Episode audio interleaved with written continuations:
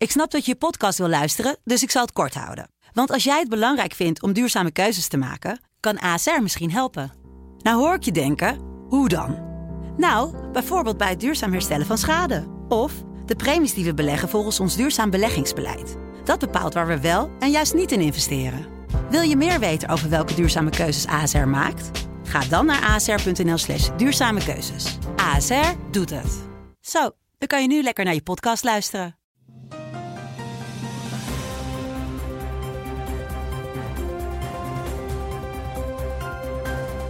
Dit is de Telegraaf podcast. Het land van Wierduk met Kamran Oela. Wekelijks analyseert onze verslaggever Wiert Duk nieuwsgebeurtenissen die hem bezighouden. Mijn naam is Kamran Oela, nieuwschef bij de Telegraaf en presentator van aflevering nummer 8 alweer op donderdag 22 november 2018. Uh, ja, Wiert, we hebben het een paar keer aangekondigd dat we een tweet van de week of een vraag van de week zouden doen. En dat gaat gebeuren, hè? Ja, dat gaat nu gebeuren, want uh, we hebben dus nu mensen gevraagd om tweets te sturen. En dat gebeurt ook, uh, tweets en e-mails. Uh, soms met nogal ingewikkelde vragen waar we toch wel wat voorbereiding voor nodig hebben.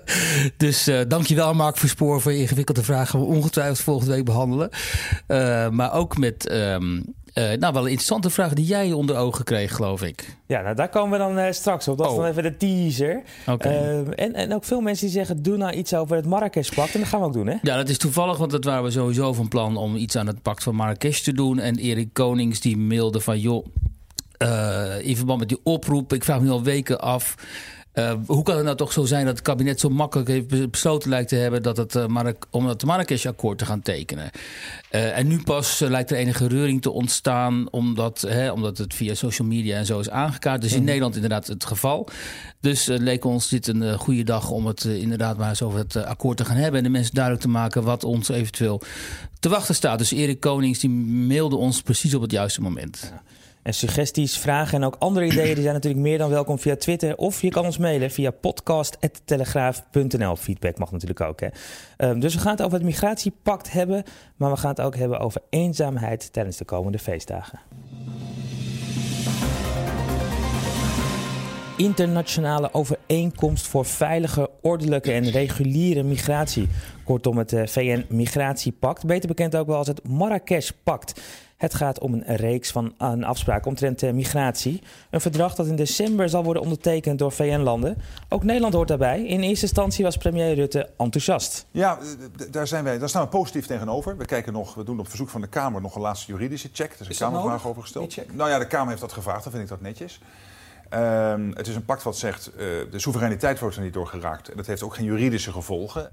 Ja, juridische check die uh, wordt uitgevoerd uh, onder, uh, nou, bij staatssecretaris Harbers, geloof ik, hè, bij Justitie en Veiligheid. En Ja. daarna moet het kabinet snel een mening gaan vormen. Ondertussen zijn inmiddels elf landen afgehaakt, waaronder Israël, Australië, de Verenigde Staten, Oostenrijk, Hongarije, België.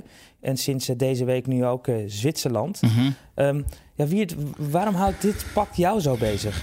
Nou ja, omdat het een aantal um, hele interessante aspecten heeft voor mensen om eens te doorzien hoe internationale politiek nu eigenlijk werkt. Uh, dit is een heel ingrijpend uh, verdrag, wat uh, de toekomst van Europa voor een groot deel kan gaan bepalen. En een paar weken geleden kreeg de vicepremier Hugo de Jong hier vragen over. En die moest bekennen dat hij daar eigenlijk niks van wist. Uh, dat is heel vreemd. En de reactie van Mark Rutte nu ook, die we net hoorden, is ook vreemd. Hè? Hij, uh, het gaat dus over migratie. Over het zogenaamde stroomlijnen van, van, internationale migratiestromen. En over het faciliteren ook van immigratie. En over het verbeteren van de rechtspositie van migranten. Dan zou je denken, nou dat is allemaal prima, want nu is dat de chaos. En er staan nog miljoenen mensen klaar in Afrika en ook in het Midden-Oosten om. Uh, die zijn eigenlijk op drift, of die, die gaan op drift raken. Dus dat zijn migratiestromen, die moet je inderdaad uh, gaan zeg maar, stroomlijnen. Ja, en allerlei landen die dus nu helemaal niets doen. Juist ook landen waar mensen vandaan komen... of landen die als eerste die migranten uh, zouden moeten opvangen... Ja. die zullen straks echt iets moeten doen. Dus je zou denken, goed toch? Ja, dat zou, je zou denken dat is goed. Maar als je dan dat verdrag gaat lezen... dan wordt van alles duidelijk. En vooral wat duidelijk wordt is vanuit welke mentaliteit het is geschreven. En uh, collega Sibinia van uh, Elsevier die is daar eens een keer goed ingedoken ook.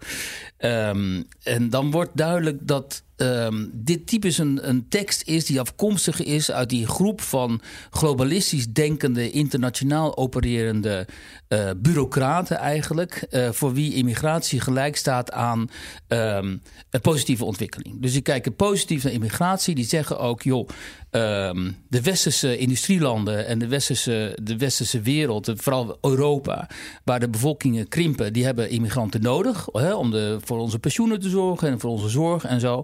En de Afrikaanse landen waar een overschot is aan jonge mensen, die hebben emigratie nodig omdat die, uh, die hebben gewoon te veel mensen daar. En die moeten dan zeg maar verhuizen naar Europa, zodat ze hier aan het werk kunnen komen.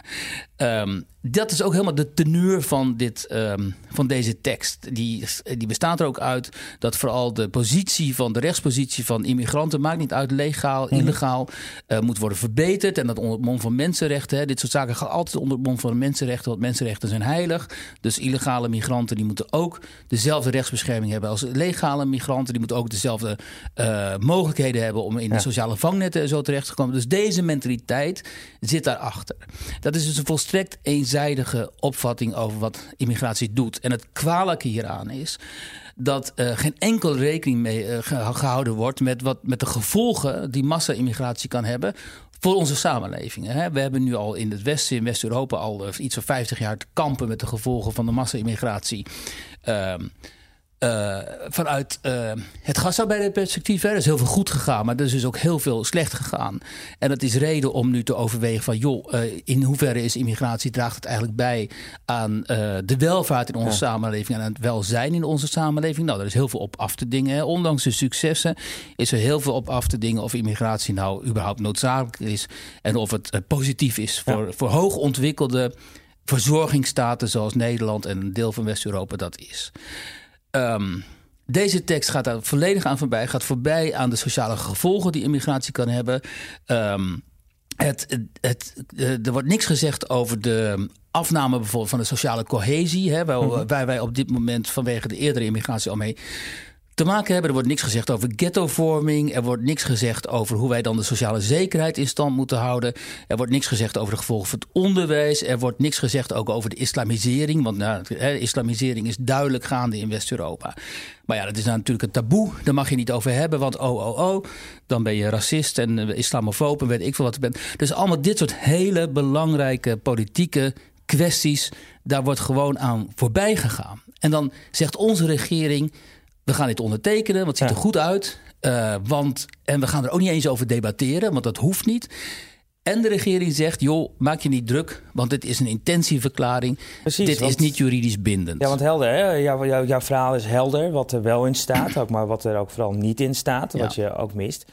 Maar inderdaad, hè, dat, dat zou natuurlijk ook vanuit de andere kant kunnen zeggen. Het is een, een niet bin, juridisch bindend uh, het is een pact. Ja. Wat maakt het uit? Nou ja, en dat is dus weer zo'n drogreden. En dat is weer een manier om burgers zand in de ogen te strooien. Moeten burgers ook eens een keer goed gaan begrijpen hoezeer wij, want ik, ik beschouw mezelf ook als een burger, zand in de ogen worden gestrooid. Want je kunt wel zeggen, dit is niet juridisch bindend. Maar als je het onder mond van mensenrechten gaat gooien. en je geeft uh, ook illegale migranten alle rechten die legale migranten hebben. dan zitten uh, asielrechtadvocaten binnen de kortste keren zitten bij de rechter. en die gaan allerlei uh, zaken afdwingen via de rechter. En dan gaat die rechter die gaat zich baseren op deze tekst. Mm -hmm. En dan wordt het gewoonterecht en uiteindelijk wordt het gewoon wel bindend. Zo is het veel vaker gegaan. Ook vaak onder die mond van mensenrechten. En dit is wat er gaat gebeuren. En ik, ik denk en ik vrees dat Mark Rutte dit wel weet. Maar dat hij ook dit wil. Dat hij er dus ook van overtuigd is dat dus Mark Rutte ook deel is zeg maar, van die globalistisch denkende uh, uh, elite, zo kun je het wel zeggen. Hè, waar ook mevrouw Merkel eigenlijk een belangrijke vertegenwoordiger van is die vindt dat wij dit nodig hebben, omdat het bedrijfsleven hem ook inzijt. We hebben die mensen nodig voor, want we hebben een, een, een we hebben een enorm overspannen arbeidsmarkt. -hmm. Willen wij onze groei op het uh, punt, op het niveau houden waar het nu op zit, dan hebben wij die jonge migranten nodig, want die moeten doorstromen naar onze arbeidsmarkt. En dan maakt het hun geen moer uit wat dat doet met onze oude wijken, wat dat doet met onze sociale cohesie. Want zij hebben daar namelijk, dragen daar niet de gevolgen van. De mensen die daar de gevolgen van gaan dragen, dat zijn de mensen die nu in die oude wijken ja. al voldoende problemen hebben. En ik vrees dat dat onvoldoende doordringt tot de mensen die hier um, die beslissingen nemen, dus tot, tot de beleidsmakers. Ja. En dat dit uiteindelijk, dit verdrag, zou wel eens als een boemerang in hun gezicht kunnen Maar, terugkeren. maar jij noemt nu de premier, hè, Mark Rutte, maar uiteindelijk is het eh, het hele kabinet. En, en er moet een meerderheid ook in de Kamer dan voor zijn, toch inmiddels? Want inmiddels zit de Kamer zich ermee gaan bemoeien. Nou ja, het is dus echt schrijnend om te zien. Hè, en het is ook heel interessant om te zien hoe weinig geïnformeerd de Kamerleden waren. Want telkens als hierop aangesproken werden door journalisten, dan wisten ze er niks van. Of ze pretendeerden er weinig van te weten. Dit hele probleem, dit, dit thema Marrakesh, is aangezwengeld door sociale media en door een paar journalisten, waarvan uh, Sipinia van Elsevier een hele belangrijke is. Die heeft dit uh, consequent aangezwengeld. En een aantal andere mensen zijn daar ook uh, vervolgens over gaan Ja. publiceren. Zijn vragen gaan stellen. En uiteindelijk is het op de politieke agenda gekomen. Forum voor Democratie overigens zit er ook heel erg in. Dat is natuurlijk uh, een democratisch tekort ook. Dat zo'n belangrijk uh, verdrag, nou ja, pact, wat het ook is, uh, politiek eigenlijk genegeerd wordt. En dat het vanuit de sociale media moet komen en vanuit de journalistiek om dit op de agenda te zetten. Ja, dat is ook echt. Nou, daar kan ik me enorm over opvinden, moet ik zeggen. Ja, dat, dat, dat merk ik hier ook. Ja. Maar, maar, aan de andere kant zou je kunnen, kunnen zeggen, die sociale media, dat is de samenleving. En het is mooi dat de samen, samenleving en de journalistiek Absoluut. Dat uh, is iets, iets, aan de kaak stelt. Nou ja, dat is de kracht van de sociale media. Dat is ook fantastisch. Daarom, is, hè, daarom ben ik ook weer terug op Twitter. Want ja. je kunt er gewoon niet zonder, want je moet dit soort dingen volgen. Uh, maar dit, dit duidt dus ook weer op de kloof tussen de, de, de, de politiek. Weet je, dat is een, misschien heel veel mensen zullen dat een populistische opmerking vinden. Maar er is gewoon een hele grote kloof tussen wat er leeft bij de burgers. Ja. En wat daar in Den Haag gebeurt. En die, dat moet echt eens een keer opgeschud worden daar. Overigens hebben onze Haagse collega's afgelopen weken ook een paar uh, artikelen hierover ja, uh. Onder andere met uh, zes pijnpunten uit dat uh, migratiepak. De belangrijkste pijnpunten voor, uh, voor Nederland. Maar ja, ja, en uh, dat moeten we wel even onderschetten. Want de, de, de, ehm, de bisschop was van de SGP. Hè, heeft ja. ook op de, de, pagina's van de Telegraaf hier het een en ander over kunnen zeggen. Dus de Telegraaf heeft het zeker opgepikt. Ja, ook, hoor. Met, analyses, commentaar op allerlei manieren. Zelfs vandaag weer aandacht eraan, omdat nu CDA zich er ook in mengt. Maar ehm, in, vanuit de samenleving, hè, je, je zegt de kloof tussen politiek en, en, en de samenleving. Uh, klinkt steeds meer uh, tegengeluid. Maar ook uh, soms wat verrassend tegengeluid. onder andere oud-VVD-voorman Frits Bolkestein. Staatssecretaris of minister teken niet. Het gaat niet over vluchtelingen. Het gaat over migranten. Uh -huh. Dus met andere woorden, in het pact staat, als ik het mag samenvatten, dat als 100 Ghanezen naar Nederland willen komen om hier te blijven, dat zij dan de medewerking van de Nederlandse overheid moeten hebben en dat ze dan moeten, moeten worden, dat die overkomst moet worden gefaciliteerd. Ja, precies dit wat uh, Frits Bolkestein zegt. En ja, het is gewoon weer mooi dat uh, Bolkestein gewoon een recalcitrante onafhankelijke denker ook ja. dit gewoon weer zegt. Want die man die, die blijft gewoon onafhankelijk. Uh, Paul Scheffer heeft overigens inmiddels ook opgeschreven in NRC Handelsblad... dat dit, dit verdrag is gewoon onvoldoende steeds meer mensen, ook van gezag, uh, die vinden dit. Die zeggen dit, dit verdrag is onvoldoende. Ook in het buitenland. Ik zie in, in België en in Duitsland ook belangrijke stemmen zeggen... begin er niet aan. Mm -hmm. En dan is het echt in mijn ogen heel vreemd weer de, de, de langmoedigheid waarmee de coalitie hier weer mee omgaat. Met een thema dat zo leeft, ook bij de burgers. Er is nu een hashtag op Twitter, notabene not my pact. Ja. En nou dan, als er een hashtag ontstaat waar mensen zich bij gaan aansluiten, dan kun je donder op zeggen dat dat, dat dat leeft. En dus dat mensen weten en beseffen waar dit over gaat. En dan moet je er op een verantwoordelijke manier mee omgaan en niet doen alsof dit allemaal wel weer langs ons heen zal gaan. Want dat zal niet gebeuren. Nou, we gaan ongetwijfeld de komende weken zien hoe het zich uh, verder gaat ontvouwen. Het, uh, in Den Haag wordt nu eerst afgewacht wat, uh, wat de juristen van het ministerie ja. zeggen. En vervolgens zal het kabinet heel snel een, een besluit moeten gaan maar nemen. een land als Oostenrijk bijvoorbeeld, hè, die een hele interessante premier hebben, is die Sebastian Kurz, die Mhm. een dertiger, die sturen niet eens een delegatie naar Marrakesh. Die zeggen we beginnen er niet aan en we gaan er niet eens naartoe. Ja, maar dat is natuurlijk, er wordt ook al meteen gezegd, ja, maar daar zit een, echt een rechtse regering. En hè, hetzelfde wordt over Hongarije gezegd. Ja. Maar het interessante is dat je nu ook wat gematigdere landen, dat je daar hetzelfde ziet Absoluut, ja. ja. We gaan het blijven volgen en ik sluit niet uit dat wij hier uh, zo medio december weer uh, over verder gaan praten. Dat denk ik ook. De tweet van de week. Ja, de tweet van de week was een uh, vraag, Weert, van iemand die zegt van... Is het nog wel leuk om Nederlander te zijn? En daarmee bedoelde hij waarschijnlijk vanwege die Zwarte Piet-toestand en al die zaken. Dat vermoed ik wel, ja. Van af, afgelopen week een hele hoop uh, gedoe geweest. Ja. Maar een, een, een, korte tweet, een kort antwoord. Is het, uh, is het nog leuk om Nederlander te zijn? Ja, en dat zeg ik ook mede op basis van een artikel dat ik schrijf voor aanstaande zaterdag. En het gaat over de Polen in Nederland. Dus deze week heb ik heel veel Polen gesproken. En die vinden het allemaal fantastisch om in Nederland te zijn. En die vinden het uh, geweldig, de kansen die ze hier krijgen. De vriendelijkheid waarmee ze worden bejegend.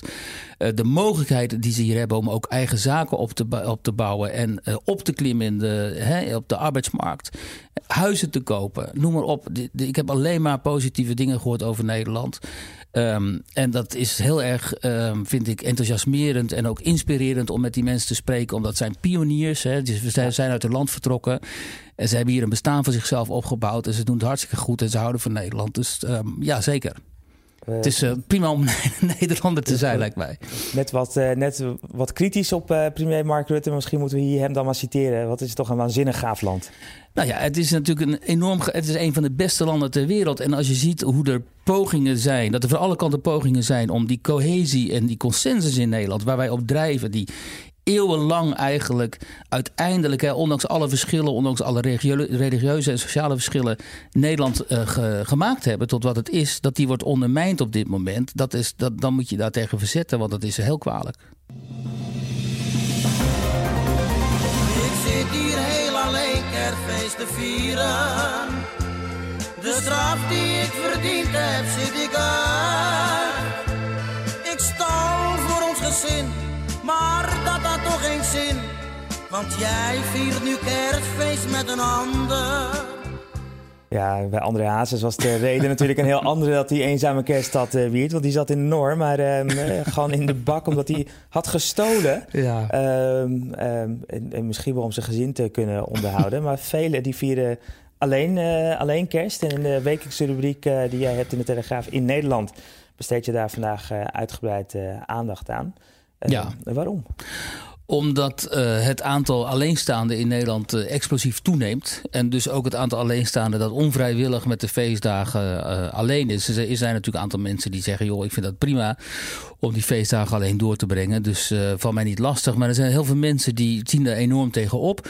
En nu zijn er hele mooie particuliere initiatieven van mensen die zeggen: joh, kom dan maar bij mij eten. Want ja. uh, ik vind die kerst uh, uh, leeg. Als ik alleen maar loop te eten of zit te eten en uh, mooie kleren aantrek. En ik wil graag wat voor anderen doen, want dat is inmiddels, dat is inmiddels een kerstgedachte.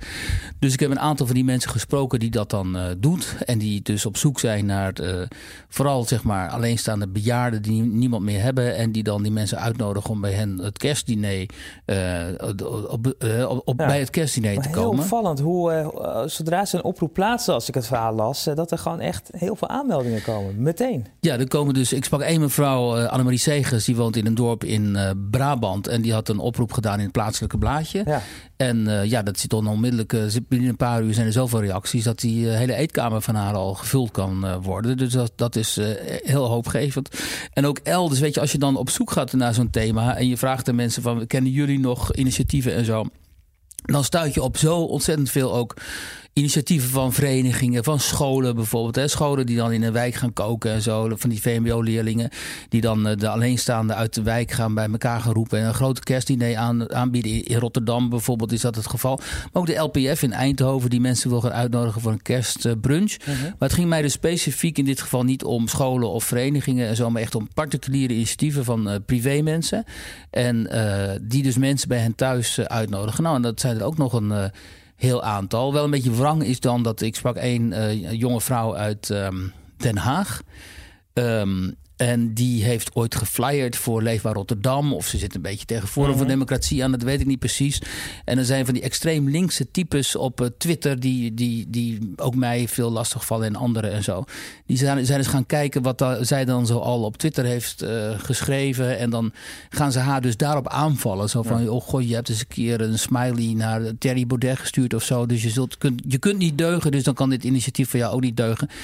En dat tekent weer zo, die, wat ik eerder zei, dat ondermijnen van um, dat hele negatieve ondermijnen van wat Nederland eigenlijk is. Want het is dus heel erg Nederland, hè? vrijwilligerswerk, ja. je inzetten voor anderen, uh, gewoon aanpakken, dingen doen en zo. Dat is ontzettend Nederlands. Maar als zelfs die motieven alweer verdacht worden gemaakt, ja, waar zijn we dan mee bezig, joh? Het wordt wel vaak gezegd een, een december vreedzame kerst. Maar misschien is het wel tijd voor een uh, gedepolariseerde kerst. Daar zijn we misschien wel aan toe. Want die voorbeelden zijn voorbeelden van sociale cohesie, juist in de wijken. Nou ja, kijk, uh, buiten die, hè, in de echte wereld bestaat er natuurlijk heel veel gewoon cohesie, gemeenschapszin. Ja. Uh, mensen die iets voor elkaar willen doen en zo. Dat, dat, dat is in Nederland echt wijd verspreid, dat vrijwilligerswerk. En daar moet je wel rekening mee houden dat die, die, vooral die sociale media, dat is natuurlijk niet een representatieve afspiegeling van de werkelijkheid. Want er zitten heel veel mm -hmm. mensen met een beetje, zeg maar merkwaardig, laten we zeggen, merkwaardig karakter. Die zijn daar act actief ook. Um, maar goed, um, er is ook wel degelijk. Er, is, er staat wel degelijk heel veel druk op de Nederlandse samenleving. Ja. Vooral door die Sinterklaas en die Zwarte Piet uh, discussie. Dat leidt toch tot heel erg verhitte nou, laat, maar laten we nu vandaag, en, laten we vandaag gewoon positief eens, uh, afsluiten. Want we hebben ja. juist zo'n mooi verhaal over sociale cohesie met kerst. Mensen die gewoon daadwerkelijk de deur openen. Ja, misschien kunnen we afsluiten met een kerstliedje dan. Nou, dan ja, vrede op aarde of ja. zo. Ja. Nou, we weten al dat richting het einde van uh, de podcast... in die allerlaatste minuut uh, denk ik dat dit is klaar. Uh, wie het heeft uh, zich gedaan, we luisteren niet meer. Dus ja. dan moeten maar mensen lekker zelf googlen naar een lekker kerstliedje. Ja, precies. Laten we het dan maar doen. Ja. Wie, dankjewel. Okay. Dit was hem weer voor deze week. en bedankt voor het luisteren. Tot volgende week.